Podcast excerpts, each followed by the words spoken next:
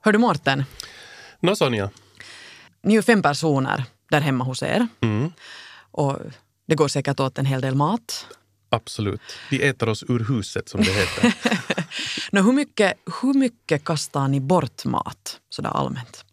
Vi försöker nog att inte kasta bort så mycket. Men jag är mycket medveten om att vi kunde bli bättre på att inte kasta bort. Färdiglagad mat äter vi nog alltid upp allt och sparar och äter nästa dag och så vidare. Att inte... Men jag tänker på sånt här som blir över när man skalar saker och vet du, råvaror. Mm. Eh, blast från grönsaker och sånt här. Det kunde vi kanske bli bättre på att på något sätt använda. Att, att det är nog mycket vi funderar på. Och speciellt när vi bor i ett, i ett egnahemshus och vi har en kompost som fylls hela tiden så tänker vi nog mycket på det här. Du sa skal, blastad. Jag tycker inte det låter så allvarligt. Jag hoppas inte. Jag tror att vi är nog helt eh, goda medborgare på den, på den fronten faktiskt. Hur är det med dig då? Det är nog lite dåligt. Är det så? Jag bor för tillfället på två olika platser och då blir det oftast så att eh, en hel del råvaror blir gamla på det ena stället. Och, och jag har inte riktigt hittat en sån här bra lösning där någonstans emellan. Mm, kanske man bara ska hetta ut det helt enkelt. Men kanske du lär dig någonting idag? Jag kanske lär mig någonting idag, precis. För att, eh, ja, ni lyssnar ju på Efter nio här tillsammans med eh, Sonja Kailasari och med mig Mårten Svartström. Och idag ska det just handla om det här, matsvinn. Vi har ju ingen aning om hur mycket mat som kastas bort på krogar eller restauranger. Mm. Det är lite det vi ska eh, fokusera på faktiskt idag. Och det är ju någonting som man kan tänka också på som, som konsument just. Speciellt ju om det är frågan om buffé så behöver man inte alltid lassa åt sig sådana berg av portioner. Men Mm. vi firar ju alltså matsvinnsvecka nästa vecka från den 9 till 15 i nionde så då kan man fundera extra mycket på det här. Mm. Vi har nämligen utmanat kocken Filip Forsberg och hans arbetsplats att se över deras matsvinn. Uh, Filip, Fille Forsberg, han har jobbat som kock i över 20 år och är för tillfället matansvarig på ett stort hotell här i Helsingfors. Och han har utmanats att se över matsvinnet på hotellets restaurang. Och lite senare i programmet kommer vi också att få träffa Evelina Lindell. Hon jobbar på ett företag eh, som, som sysslar med återvinning och hon jobbar väldigt mycket med, med restauranger för att hitta sådana här ekologiskt hållbara lösningar och, och just fokusera på det här med matsvinn. Hon har titeln ledande svinnexpert och hon, hon har olika verktyg och modeller enligt vilka man kan jobba med för att få bukt på problemet. Mm. Som sagt, veckans utmanade här i Efter nio är alltså kocken Filip Forsberg. Och vi ska börja med att lyssna på ett klipp där han presenterar sig själv och sin arbetsplats.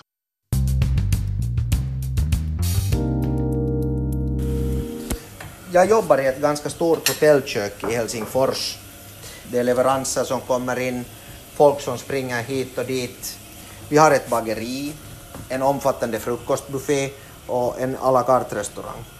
Det är klart att det uppstår en del matsvinn dagligen, men det är någonting vi jobbar på och vi vill gärna vara med och dra vårt strå till stacken i den saken.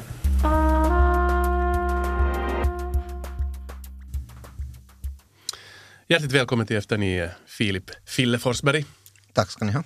Som sagt, över 20 år eh, i branschen har du jobbat. Och eh, då, då tänker jag på när hörde du eller reagerade för första gången på det här ordet matsvinn? Jag vet inte om jag reagerar på ordet, men, men då jag tänker tillbaka på när jag började jobba så har jag börjat jobba med att diska och jobba med catering. Och då caterar vi ganska mycket de här eh, små fartygen som cruisar omkring här utanför Helsingfors. Och där så var det matsvinnet nog ganska förfärligt och det kändes ganska illa. Eh, nog redan då till en början. Att det var ofta hela fat som, som åkte i soporna och då man inte var van hemifrån med den saken så var det nog liksom, det kändes ganska hårt då redan. Men att sen direkt diskussionen om matsvinn tycker jag nog att har ha uppstått här mycket, mycket senare. Hur tycker du att utvecklingen har gått i, under de här 20 åren? Har du märkt någon skillnad? Det tycker jag definitivt att jag har gjort. Jo, jo. Att nu, har det blivit, nu har det blivit en hel del mer snack om saken och, och folk fäster uppmärksamhet vid det.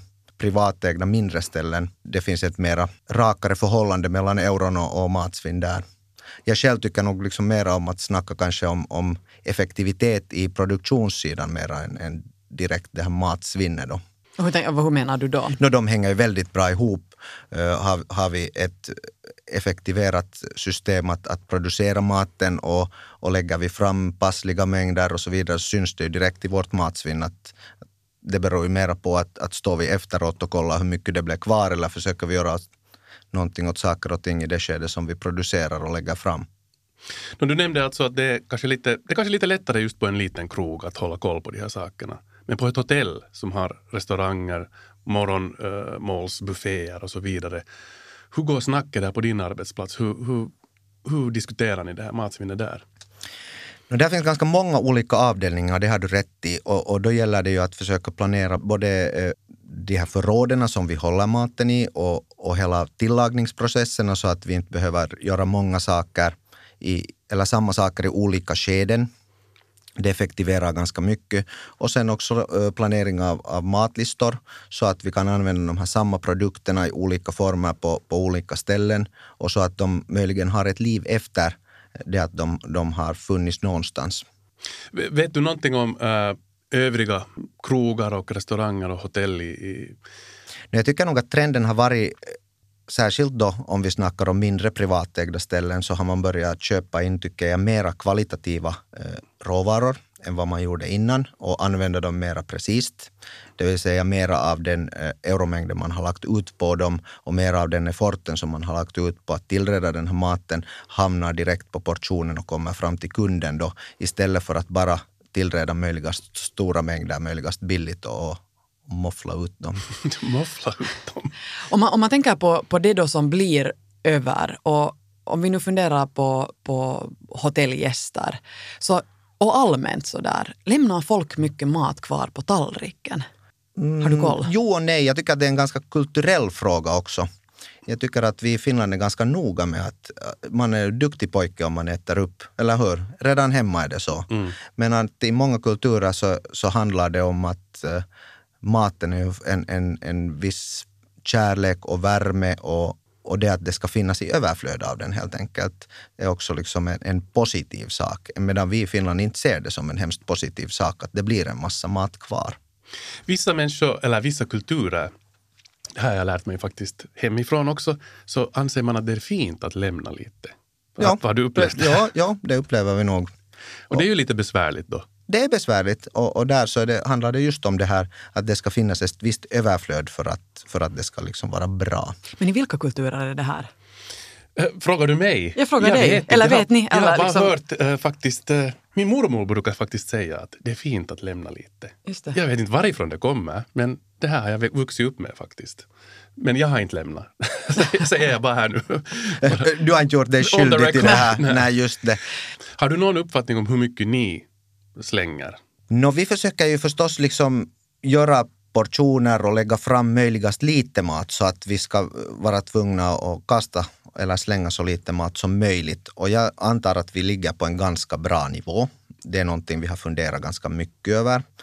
Eh, det som till exempel blir över från en frukostbuffé så är ju mer problematiskt såklart för att det är mat som vi inte enligt lag heller kan riktigt utnyttja längre ifall att den har varit ute ute för länge eller du menar hela det där buffébordet som har mm, korv och skinka och ost och så vidare, kan man inte återanvända? En, en stor del av det är väldigt svårt att återanvända eftersom det finns ganska strikta bestämmelser då av hur länge den här maten får stå där och, och, och vilken temperatur den får nå och så vidare. Helt personligen, har du, nå, har du dåligt samvete ibland när maten kastas bort. Hur känns det? Att, att... Absolut. Jag, hemma har jag ganska nollsvinn nog på mat så att det är nog någonting, jag tycker, jag känner mig bra om det går jämnt ut helt enkelt. Jag tycker mm. det, liksom, det känns fint. Nå, äh, Filip Forsberg, du har, du har då utmanats i att bli bättre på att uh, ta tillvara den här maten och, och, minska på matsvinnet på din arbetsplats. Du har ju också fått lite hjälp. Vi har en expert, Evelina Lindell, som kommer in här lite senare. Men du har också träffat henne för att hon, hon har hjälpt dig lite på traven. Det, det, du har fått ett sånt här, eh, bekanta dig med ett svintest. Vill du berätta lite om det? Visst, ja. ja vi kollade igenom det med Evelina och det handlar alltså då om ett program där man mäter svinne och också försöker spåra varifrån det här svinnet kommer lite noggrannare. Okej. Okay. Ska vi lyssna på ett klipp där ni träffades för första gången för att lite se över matsvinnet? Nåja, Var är vi? Vi är i vårt kylrum, grönsakskyl. Det ser ganska litet ut. Det ser ganska litet ut, men helt väl, det, det tvingar ju också till det att det är ganska välorganiserat oftast. Att i det skedet som allting är liksom var som det råkar så börjar det också att, att bli en hel del svinn på grund av att folk inte hittar någonting och, och ja, helt enkelt de nya produkterna hamnar för långt fram och så. Så att, så att det här blir ju nästan tomt varje dag eller en gång per, per två dagar. Ja. Och det är ju en bra sak.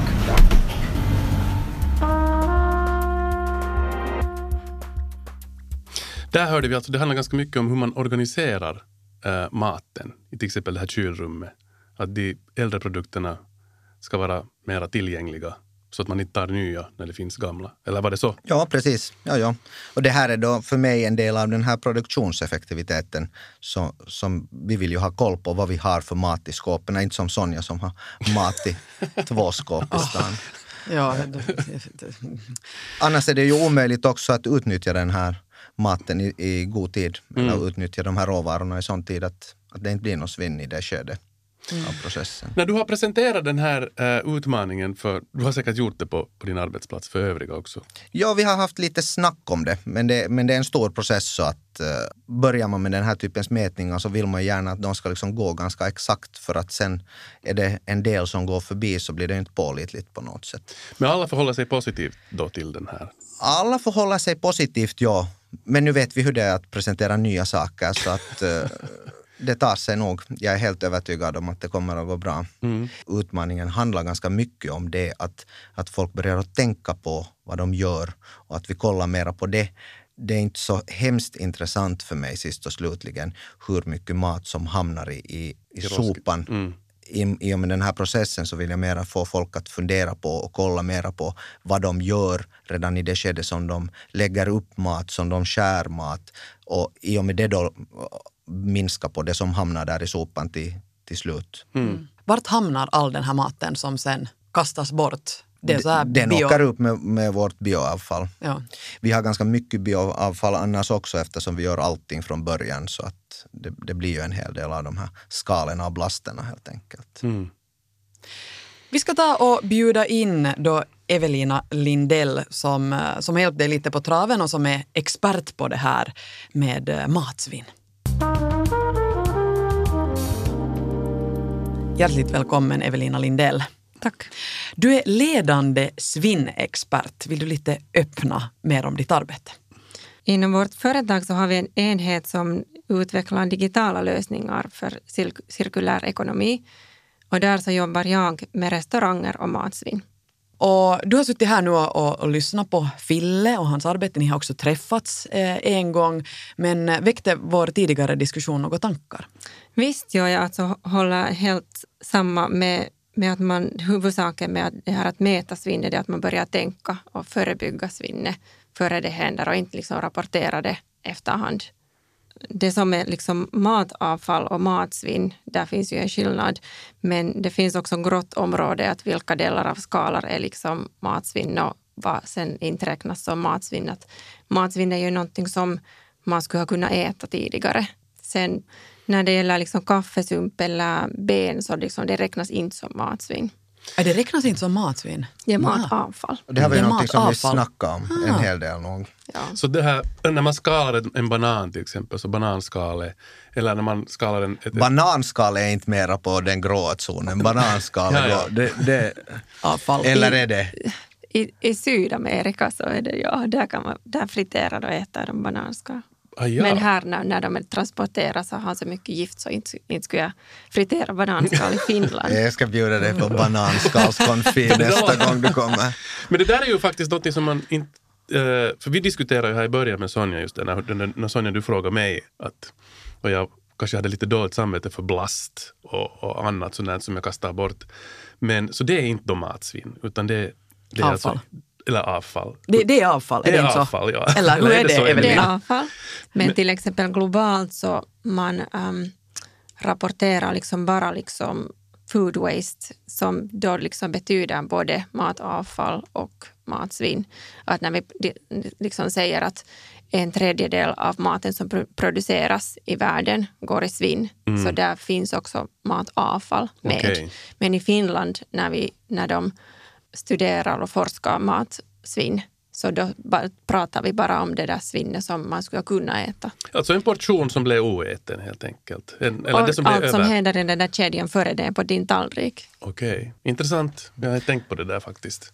Mm. Men en del av de här blasterna som du snackar om är ju mm. helt fullständigt ätbara och, och, bra mat om vi, om vi talar till exempel om unga rödbetsblaster och sånt här.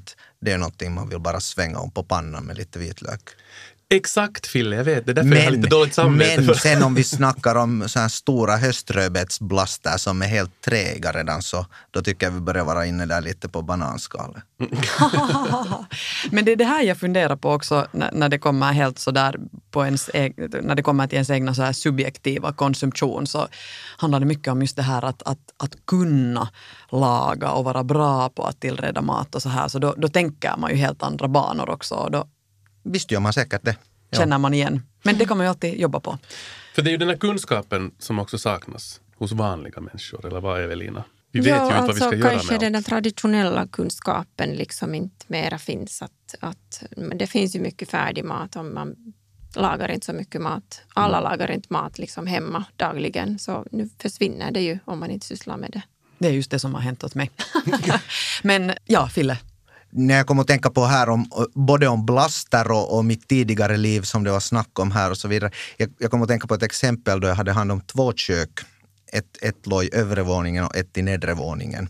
I nedre våningen ville man använda pak choi, den vita delen och i övre våningen ville man använda den gröna delen. Men de hade aldrig snackat tillsammans. Så att i övre våningen stod man och kastade bort den vita delen och i nedre våningen stod man och, och, och slaskade den, den gröna delen ända tills vi då liksom hittade en lösning på att, att de kunde jobba tillsammans och klara mm. sig med en istället för att kasta bort hälften och hälften. Så att den här typens grejer så vill man ju definitivt komma åt. Det är ju mm. idioti.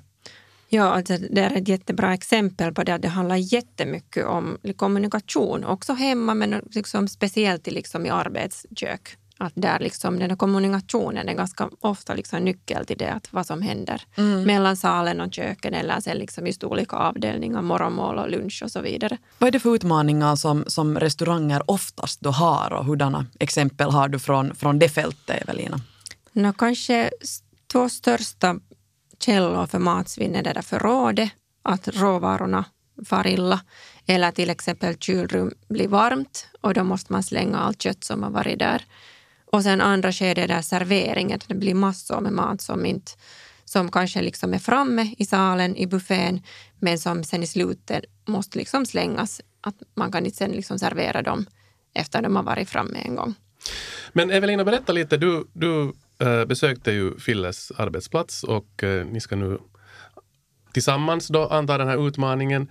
Berätta lite om Eh, hur du upplevde arbetsplatsen där Fille jobbar och, och hur den här appen nu då ska hjälpa. Och, hur, kommer det att, hur kommer det att gå tillväga? Ja, alltså program hjälper med att mäta och liksom att man lär sig känna det där egna svinnet. Och också kommunicera det visuellt till, till hela personalen. Att alla har liksom utgång till de här rapporterna och ser att varifrån vår matsvinn kommer, vad det är och varför det har uppstått. Och det låter jätteintressant att i ert hotell där man liksom lagar jättemycket själv och man uppskattar kanske de här råvarorna och produkterna mycket mer än, än i medeltal. Att hur mycket vi kan påverka där och komma ner och halvera det där svinnet som vi ofta har gjort på andra kök. Halvera, det låter ju ganska äh, ambitiöst. Ja, och då pratar vi om det här produktionssvinnet och då liksom lämnar vi det här kundsvinnet eller tallrikssvinnet utanför. Att då pratar vi om det här som just händer när det, maten är i förråd eller sen tillreds. Kanske det liksom också på alla kart som man tillreder vissa liksom delar, komponenter, såser och sånt liksom på förhand. Och sen när man, den där beställningen kommer så sen liksom kombinerar man dem till en, en um, portion. Men det händer mycket liksom redan därför är det. Och sen kan det också ibland i, i vissa kök så händer det något misstag att du bränner upp maten till exempel det är liksom en, en källa försvinner. Och sen det som serveras och i, i buffén Så det, den delen så har vi lyckats att halvera ofta. Mm. Och vi gör ju ganska lite buffé. Vi, vi snackar i vårt fall om frukostbuffé var allting är mer eller mindre självtillrätt ända från yoghurten. Så att eh, det är ju mera frågan om till exempel den här buffén som vi har, är mera frågan om ett sätt att servera maten där kunden själv får ta åt sig.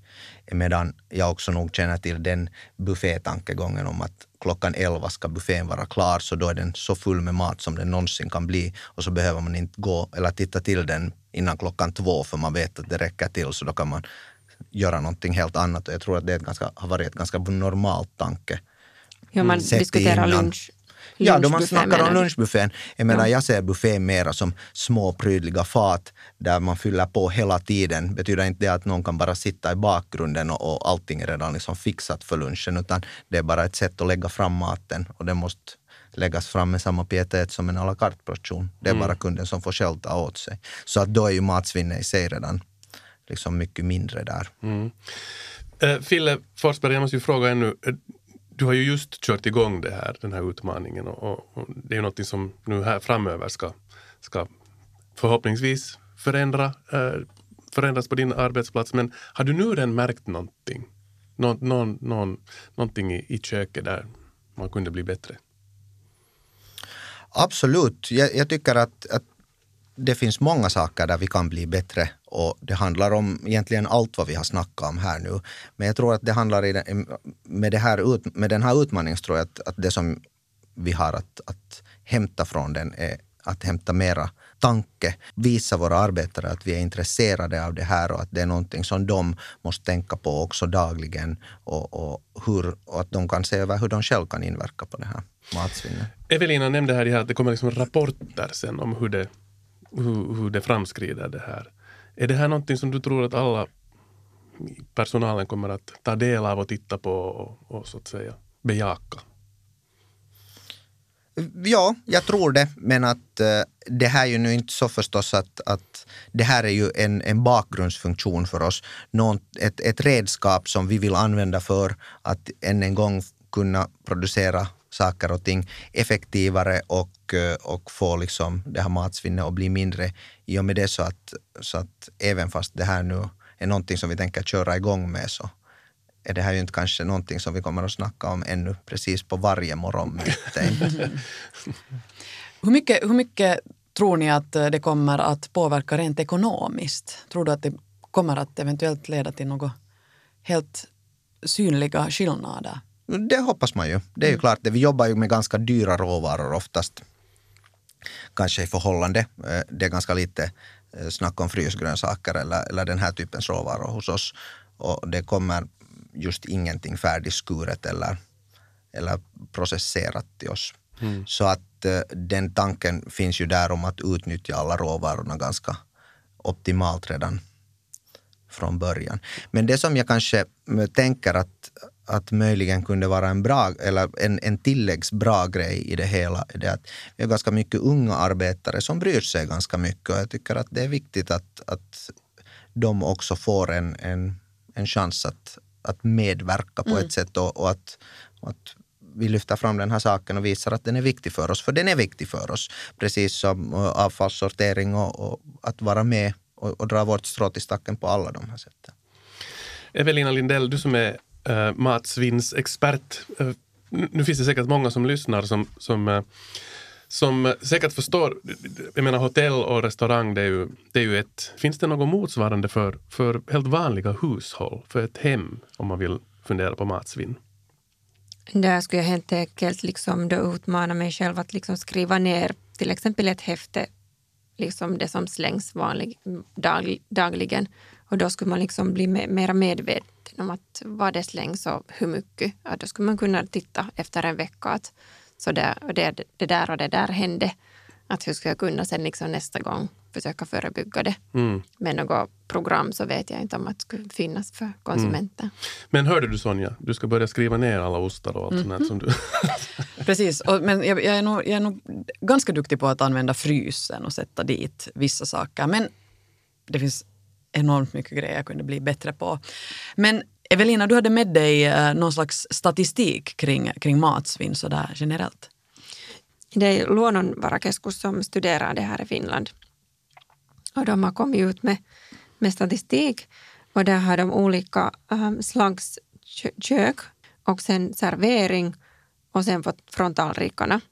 Och där har de då olika procent för pizza, pizzarestauranger och skolor, kaféer, hotell, sen personalkök och sen också uh, sjukhus och daghem. Okej, okay. och vad kan man komma fram till? No, det vari, varierar liksom beroende på hurdan, hurdana kunder man har. Så minst är det i sådana snabbrestauranger som pizza, kebab och hamburgare. Och största är då i daghem. Att där kan till och med 22 procent hamna i sop, soporna före det, liksom, det har ens liksom nått kundernas, barnens tallrik. Före det ens når barnens tallrik? De äter i små grupper och då skulle jag anta att det, blir liksom, det delas ut och då blir, tas det inte så mycket mat som det har beställts om det till exempel tillreds i ett, ett annat hus. Okay. Så då skickar de för mycket mat. Men det där borde ju på något sätt kännas som det skulle vara lätt att åtgärda. Okej, okay, då skickar vi mindre mat. Men, Men det, det, finns ganska många faktorer som spelar in. Liksom du, kan, du kan ha samma mängd kunder varje dag eller sen kan du ha mitt i allt mycket mindre om barnen är sjuka. Du, mm. vet, du, kan, du, får, du får inte veta på det liksom i god tid. Eller sen beroende på maträtten så smakar det inte barnen. De tar bara pytteliten lite. Och sen om det är någon favoritmat så visst vet de ju ungefär men de kan inte skicka för lite mat. Men för det kanske man inte borde laga äcklig mat åt de där barnen. Nej, man måste äta hälsosamt och mångsidigt tyvärr. Förlåt, det var en, det var en dålig sak. Men om, vi skulle få, men om vi skulle få alla de eurona som åker i soporna, till exempel på skolmatsidan, och istället eh, kunna sätta dem på råvaror och kvaliteten av den här maten, så tror jag att, att ganska mycket mindre av den här maten skulle hamna i soporna. Mm. Det vill säga mycket mer av, av den kärleken i tillredning och råvaror skulle hamna i magarna på skolbarn. Mm. Det där är till exempel. Sant. Och det här är någonting som jag tror att vi får mycket bättre att fungera ute på landsbygden där det finns en kökside kök. Och, och det här är säkerligen ett stort problem just som du säger då man skickar den här maten omkring stan. Mm. mm. Att, att man är tvungen att, att vara i beredskap för, för en full mängd med folk som ska äta. Och då, då helt enkelt så använder man mindre kvalitativa och billigare råvaror för, för att kunna process, producera möjligast mycket mat så att den inte ska ta slut i något skede. Och trenden är ju tyvärr det att i Finland så bygger man stora centralkök och där finns nya teknologier som man kan tillreda den här maten kall. Och man lagar det flera dagar på förhand och sen värms den upp första gången där den ska serveras. Och i Sverige så är trenden sen i något andra hållet. Någon liksom, nu börjar de laga mar, maten liksom närmare till till sen vad det sen ska ätas. Evelina, berätta lite hur hela kedjan ser ut uh, från det att en restaurang gör svintestet till, till det att man bygger upp en strategi för att nå sitt mål. En hur lång process är det frågan om? No, vi pratar om ungefär från fyra till sex månader så kan det ta att vi hjälper dem att komma igång med det här programmet. Och så börjar man med att mäta det där svinnet och, och, och Äh, berätta till personalen varför man gör det här och hur man sen i praktiken använder det här programmet. Och då deltar alla i att liksom mata in det här information om det här svinnet dagligen till det här systemet. Och sen ungefär om en månad så lär vi dem att hur man sen leder med den här informationen, att man sen tar det i bruk. Och senast då så inser alla att det är jätteviktigt att rapportera allt som har hänt där i köket. Att om det saknas information, information så då är hela den här informationen ganska, liksom, det är inte så pålitligt. Och då så börjar man se liksom noggrannare att varifrån och varför och vad har slängts. Att vi pratar inte om matsvinn som en, en helhet utan man tar till exempel serveringssvinn av brödet eller sen liksom förrådsvinne av grönsaker eller mjölkprodukter. Och då kan man fundera att vad skulle vi kunna göra annorlunda systematiskt, hela personalen, varje dag för att sen förebygga. Och det är det som vi sen lär dem att bli liksom svinnexperter på sin egen arbetsplats. Att man har en känsla att det här är någonting som jag kan påverka och bli en sån där jätteliten liksom, är svinhjälte i det här som alla vet att det är en dålig sak. Så det är det som liksom vi försöker också ge möjlighet till. Mm. Finns det någonting ännu ni vill, vill tillägga här kring din kommande utmaning, Fille? Eller några lyckoönskningar, Evelina, som du har att dela med dig? Nej, jag ser fram emot samarbete. Ja, inte, jag, jag antar nog utmaningen med, med glädje. Mm. Och, och, vi får se vad mm. den för med sig. Här, jag tror att i vårt fall handlar det ganska mycket om att, att till att börja med hitta liksom just de här dagliga små systematiska sakerna som, som vi kan komma åt. Att har man ett bageri så finns det bara en viss mängd med skorpmjöl man kan mala av de gamla torra kanterna och det hjälper kanske inte till så hemskt mycket. Och det går ganska mycket energi åt också till att, att försöka komma åt varje blast. Så att eh, vi försöker hitta lite större riktlinjer tror jag till att börja med. Mm. Mm. Man börjar stort och så kan man gå in på små detaljer. Har ni några hälsningar åt eh, oss konsumenter eller hotellgäster, restaurangbesökare när det kommer till våra vanor? På den här matsvinnssidan så tror jag att den största liksom, eh, grejen kommer nog säkerligen just här från buffésidan. Att man kan ju ta lite mindre mm. och försöka att lämna så lite som möjligt och äta upp det vad man tar. Och det som jag hoppas att människor börjar också snart inse är att, att buffén be behöver inte vara full ända tills serveringen tar slut. Att det får finnas liksom i mindre kärl om det kommer liksom lite i gången mera mat, så det är ju färskare och det kan ju se bra ut fast liksom alla linjer är inte helt fulla. Att liksom godkänna det och att förstå att vad som är tanken där bakom, att det ska inte bli så mycket svinn. Så det är också kundernas del när de inte behöver betala för det där extra som sen slängs. Mm. Det som jag själv har börjat göra hemma är det att jag har samlat en massa glasburkar, olika storlekar och sen sätter jag rester i dem och försöka sätta dem på min mans ögonhöjd så att han ser vad det finns i kylskåpet. Han skulle först använda dem. Och det har nog hjälpt jättemycket att se istället för att ha sådana plastburkar som, inte, som man inte ser vad, det in, vad de innehåller. Det här är ju ett superbra tips. Det här tänker jag börja använda. Mm. Ja, jag, jag, känner nog igen det där som trebarnspappa. Om, om det finns sådana burkar som man inte ser igenom så står alla vid kylskåpet och säger pappa, här finns ingenting att äta. Fast kylskåpet är helt smockfullt. Vi får väl önska lycka till nu, Fille, ja, på tack, färden. Tack, och, tack, tack. Uh, så kanske vi borde kanske ta en uppföljning. Mm, se. Mm, se hur det går sen, mm. om ett halvår eller så. Absolut.